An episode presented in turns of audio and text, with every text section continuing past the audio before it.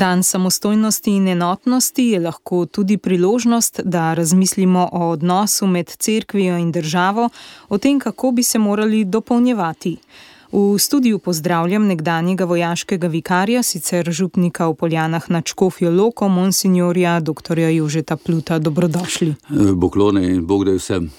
V vodu sem omenila besedo dopolnjevanje. Kako bi ocenili dopolnjevanje cerkve in države v Sloveniji?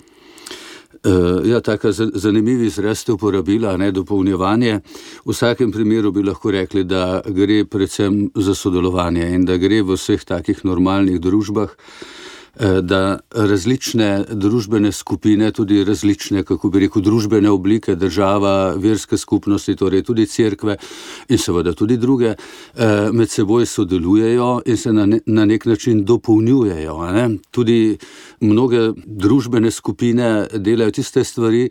Ki, in če jih dobro delajo, potem države ni treba. Če, če pogledamo zdravljenje, še dosti krat mreža prostovoljcev, sodelavcev. In če bi bil jaz državnik, bi, bi take stvari na vso moč podpiral, ne, ker to je bistveno ceneje za, za državo, ki eh, upravlja potem z davki in s tem premoženjem, in skratka bi ne bilo treba. In se mi zdi, da je zelo pomembno, da nadgrajujemo znova in znova to sodelovanje.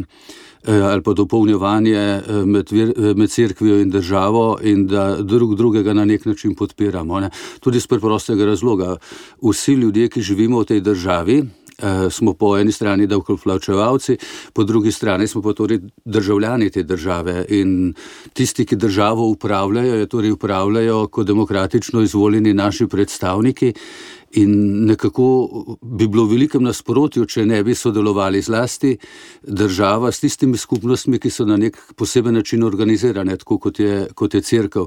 In to sodelovanje mora čisto mirno lahko rečemo, mora potekati, seveda na različnih nivojih, različno, ampak vse od najmanjših oblik eh, krajevnih skupnosti, župniji, občine, pa tja do države, kjer se stvari tudi mm, na nek način dorečejo, vržejo na papirane, imamo torej sporazume o odnosih, da se za tista področja, kjer so morda mešana, eh, morda nejasna, eh, jih opredeli v sporazumu. Skratka, jaz si predstavljam, da se bo to sodelovanje samo nadaljevalo, ker vsaki, vsak pameten človek razmišlja o tem, kaj bi lahko še naredil, da bi boljše teklo, ne pa kako bi overil, da bi ti odnosi bili slabši, ne? ker je vedno slabo za, za državo in potem tudi za državljane. Verjetno crkva najbolj prispeva na področju dobrodelnosti. Nedvomno na področju dobrodelnosti je, je crkva med prvimi v Sloveniji, ne samo zato, ker podatki govorijo, da crkvene dobrodelne organizacije so med tistimi, ki najmanj porabijo za samo administracijo, kar je zelo pomemben podatek, konec koncev, ker gre torej večina tega, kar crkva zbere, neposredno tja, kamor je namenjeno, in organizacija sama zelo malo požre, če uporabim en tak eh, zelo nazoren izraz. Eh, pa tudi na drugih področjih, ne, če pogledamo uh, kulturne spomenike, sakralno dediščino našo. Tukaj je dobršen del kulturne dediščine slovenske, eh, so sakralni spomeniki. Eh, se pravi, crkve. Ko, ko gledamo katero koli slovensko pokrajino, si jo ne moremo zamišljati, in je ne lepote in enkratnosti, če odmislimo crkvice po teh naših gričih, visokih hribih, eh, po starih vaseh, konec koncev pa tudi nove crkve, ki stojijo po mnogih teh modernih slovenskih mestih, ki so tam, nastajala tam po drugi svetovni vojni.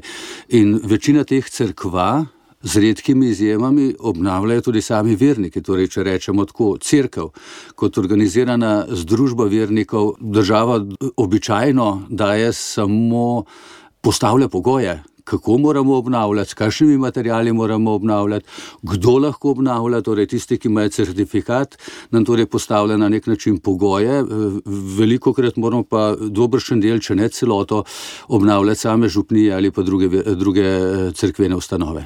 Glede na vse povedano, koliko prispevamo k obnovi in da v Sloveniji crkve predstavljajo približno 80 odstotkov celotne kulturne dediščine, kako ocenjujete eh, te zadnje novice, da so nekatere občine župnijam po ustavni odločbi iz leta 2020 začele pošiljati odmero za plačilo nadomestila za stavbno zemljišče tudi za cerkve. In kaj obdavčitev teh nepremičnin vse potem potegne za sabo. Morda bi še kratko se vrnil k prejšnjemu vprašanju, ker je zelo pomembno. Ne? Cerkev namreč tudi župnija in tudi eh, druge crkvene oblike zelo veliko delamo tudi eh, z mladimi. Recimo, ko samo primerjamo oratori, pa delo v mladinskih skupinah. To je v bistvu delo, delo za dobrobit tudi eh, države, ker skrbimo za državljane, bdimo nad tem in naredimo vse, da bodo to res dobri, srčni, pošteni, delovni državljani, kar bi z vidika državnega vidika je zelo velik eh, doprinos. Zdaj pa, če se obrneva k temu vprašanju, ki ste ga omenila.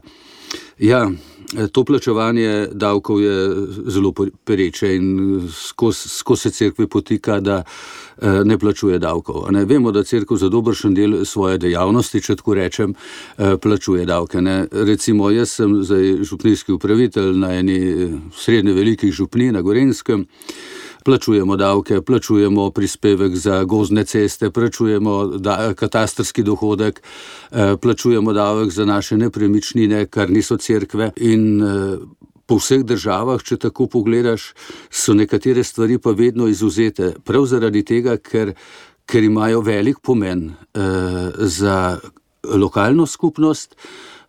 Za zgodovino tistega naroda, za dediščino tistega naroda in ker vemo, da vzdrževanje eh, teh eh, kulturnih spomenikov je tako veliko, država na nek način s tem tudi pomaga, da, do, da določene objekte izuzame uh, iz posebnega obdavčevanja. Ne?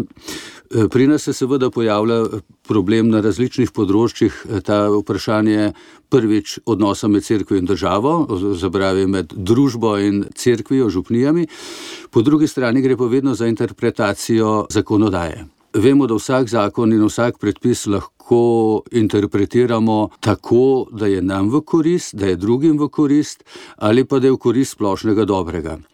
In tukaj se veliko krat pojavlja problem, zlasti takrat, če neko ustanovo, občino ali pa kakšno drugo vodijo ljudje, ki preprosto morda gledajo na crkv kot nekaj, ne bodi si treba, da bi bilo sploh, ne, na nekaj torej viška.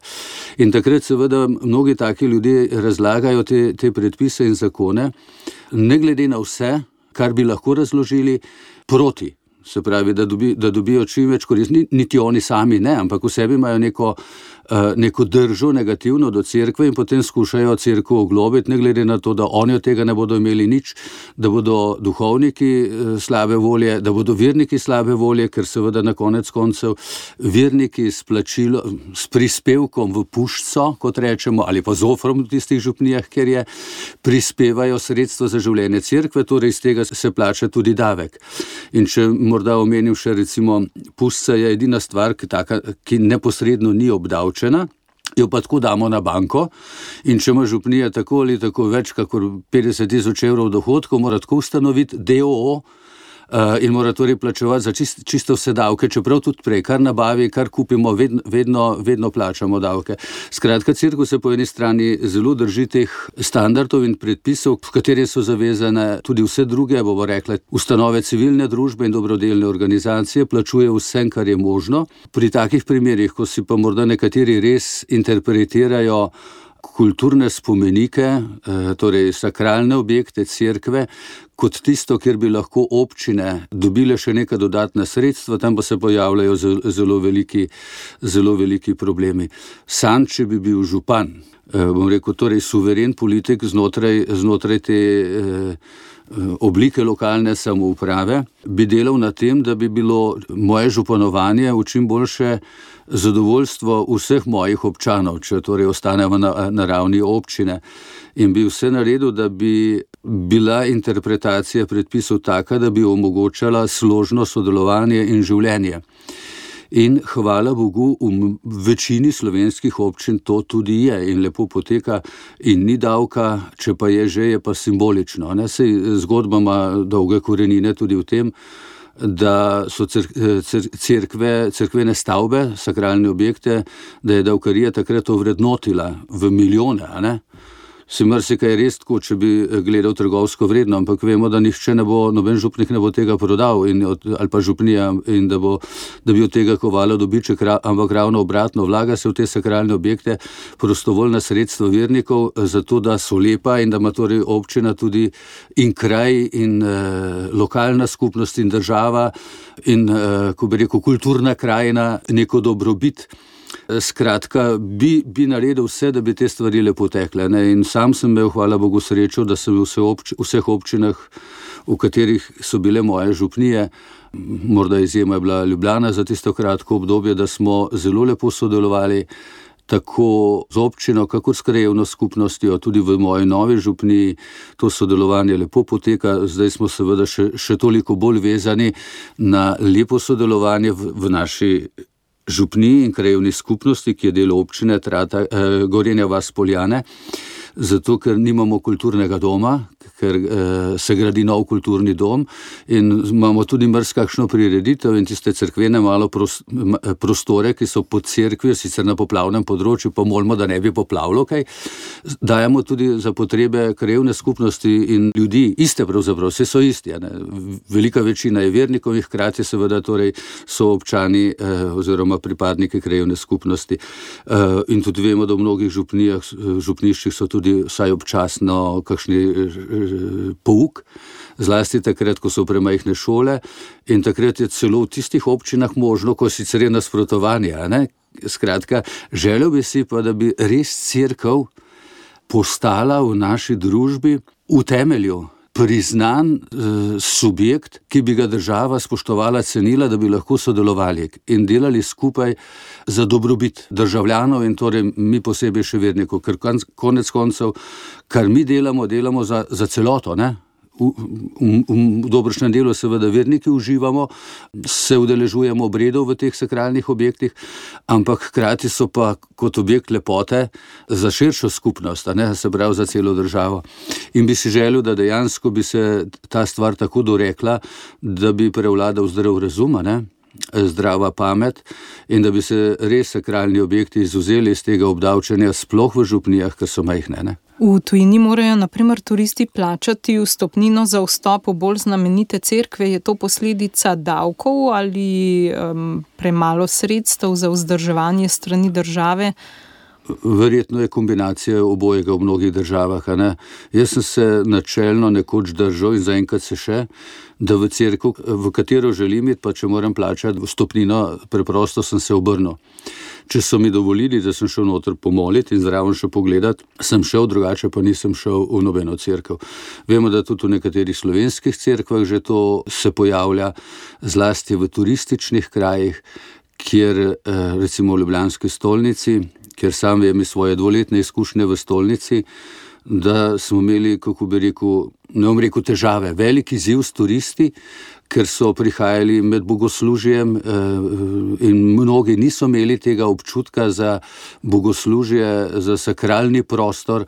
Eh, in so prihajali recimo sredi darovanja, ne, med manjšo spremenjenje, kot rečemo, takrat se je sprehodil po cerkvi, po cerkvi in tudi je bil redek pojav, eh, z rokami nariti v žepu in gledal tam, kot da, ko da je on v središču eh, te pozornosti. In seveda je treba urediti to vprašanje obiskov turistov v teh eh, res znamenitih naših sakralnih objektih na tak način, da bo, da bo vse, zadovo, vse zadovoljeno. Eh, skratka, obiski izven bogosluži in tle se včasih prihaja do kakšnega konflikta. Hkrati pa res um, vemo, da taka crkva kot je Ljubljanska stolnica, recimo, za vzdrževanje uh, potrebuje ogromno sredstev ljudem je onemogočeno na nek način prihajati k maši v stolnico, podobno tudi frančiškanom, zato ker ni več parkirišč. Govorim od, bolj oddaleč, kar je bilo nekoč kar eh, redna oblika zagotavljanja duhovne oskrbe, oskrbe vernikom širšega ljubljanskega področja. Seveda je toliko manj dohodkov in je tak dohodek, ki ga dajo turisti z neke vrste vstopnino, eh, dobrodošel za vzdrževanje tako pomembnega kulturnega objekta, kot je sama Ljubljanska stolnica, ki je res biser, biser arhitekture, umetnosti, seveda vse narejeno s to eh, versko vsebino. Tako da eh, te stvari se bodo verjetno pojavljale. Še naprej. Iskati bo treba vedno nove rešitve. Sam ne vidim nobene težave, sploh če je to tako urejeno, da ni moteče, bova rekla, ne za turiste, ne za vernike. Ne? Danes zgoduje sveti Štefan, prvi mučenec. Ob tematiki, o kateri govoriva, mi gredo misli k epidemiji sovražnega govora na spletu. Cerkev in verniki smo pogosto tarče nestrpnosti. Pred leti je bilo strani znane pisateljice slišati, da je katoliška cerkev nekaj, kar moraš sovražiti. Ona to čuti kot svojo državljansko dolžnost. Kaj v zadnjih letih opažate na tem področju sovražnega govora do cerkve in vernikov? Morda bi omenil, seveda, da ta sovražni govor ni zaznati samo na socialnih omrežjih, ampak tudi širše.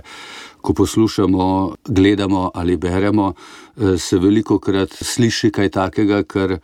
Ali pa, ko gremo na sprehod, ko vidimo, da je kaj popisanega po crkvenih objektih. Eh, in to seveda ni najboljše znamenje odnosa medijev do cerkve in do vernih, do vernih sodržavljanov te države. Jaz razumem, ali pa bom rekel, če kot človek dopušča, da ima kdo negativno mnenje o cerkvi in tudi o Bogu, je njegova pravica.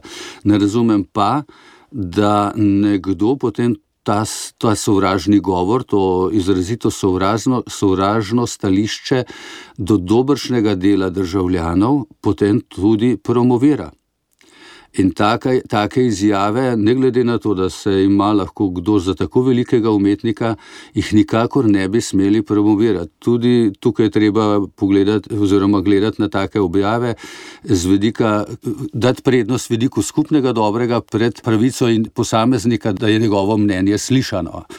In seveda ni pa problem samo v izjavi eh, eh, imenovane umetnice. Ne? Problem je tudi širše, če neka družbena skupina ali politična stranka v osnovi rabi, če tako rečem, eh, v svojem jedru, v principu rabi sovražnika, ker potem so te drže toliko bolj javne, se izražajo na fini, na prefinjeni, včasih tudi na grobi način. In jih posamezniki torej tudi izražajo, in potem je še toliko večje, kot take drže prihajajo v javnost na vseh možnih področjih. V nekaterih primerjih, ko bi rekel, selektivno, glede na potrebe časa in aktualne politike, v drugih pa zato, ker jih je teže kontrolirati, kot so socialna omrežja, čeprav tu tam je poseben problem, pa ga ne moremo zdaj le eh, kontrole, eh, bi rekel, socialnih omrežij. Eh, ampak veliko lažje tam prodiraš tudi, prodiraš tudi z negativnimi stališči.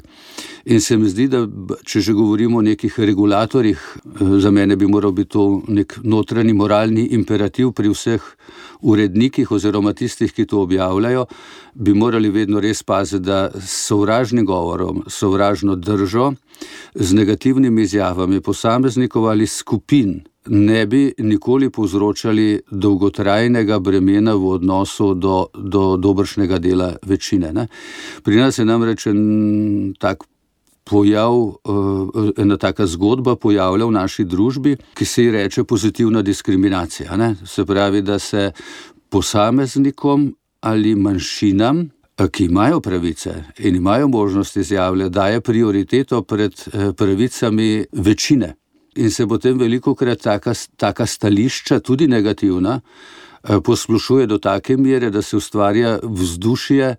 Eh, negativno vzdušje v, v državi, v, v naši državni skupnosti, kar je dolgoročno izredno slabo. Morali bi pa seveda delati ravno obratno, in tukaj imajo, poleg tistih mnenjskih vplivnežev iz ozadja in tistih, ki neposredno vplivajo na to, In seveda mediji sami zelo pomembno vlogo, ne, kaj prinašajo v to družbeno okolje. Ne. Vemo, da, da eh, kdo obvlada medije, ne se poznamo te stare zgodbe iz starih šol in to še vedno drži. Sledi nekim dolgoročnim ciljem eh, z jasno vsebino, ne, če govorijo na političnem področju, ampak to v demokratični družbi ne bi smelo biti temeljna drža. Človek razume to tako ravnanje eh, v nekem totalitarnem, tudi če se ne strinja, ga pa razume. Eh, v demokraciji bi taka drža ne smela biti nekaj samoumevnega. In zato, seveda, ob prazniku slovenske samostojnosti in enotnosti bi si res človek želel, da bi bilo pod 33 let, božje, da bi dišalo potem, da bi hodili naprej. Proti enotnosti, pa ne v tem smislu, da bi se po, na zunaj poenotili, uh, da bi hoteli, da, da smo vsi enaki, kot, kot so bili, recimo, se spomnim kitajskega komunizma, ko so eno obdobje poenotili tudi vsa oblačila. Ne? So bili moški in ženske oblečeni v tiste uh, modre kom, uh, obleke, iz, iz podobne džinsva, uh, zgornji del, spodnji del.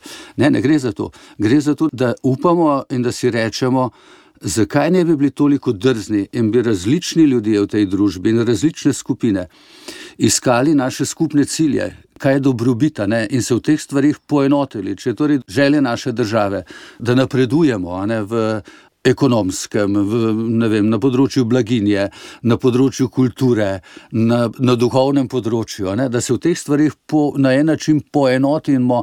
In to, pravi, to je naš skupni poimenovalec, a ne drugače smo pa zelo različni.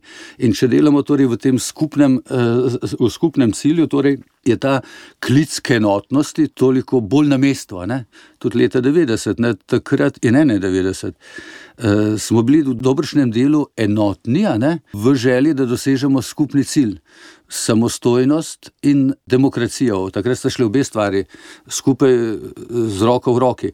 Čeprav bolj govorimo o samostojnosti, Ampak vemo, da bo bila zdrava skozi demokracijo, ker niti se ne bi mor, mogli govoriti o samostojnosti, če ne bi bili od zadaj ti procesi demokratizacije. Ne? Da je sploh ta ideja prišla naprej in da so jo potem posamezne stranke, ki so takrat nastajale, podprle.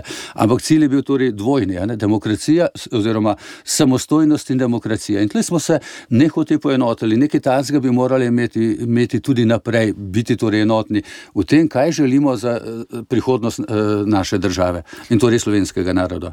To je tudi sklepna misel, za katero sem vas hotela vprašati na koncu. Monsignor dr. Jože Plut, hvala za pogovor. Hvala za povabilo. Blagoslova želim vsem danes in v novem letu in bodimo ponosni državljani in naj Bog blagoslovi našo domovino in državo. Pogovor sem pripravila Marta Jerebič.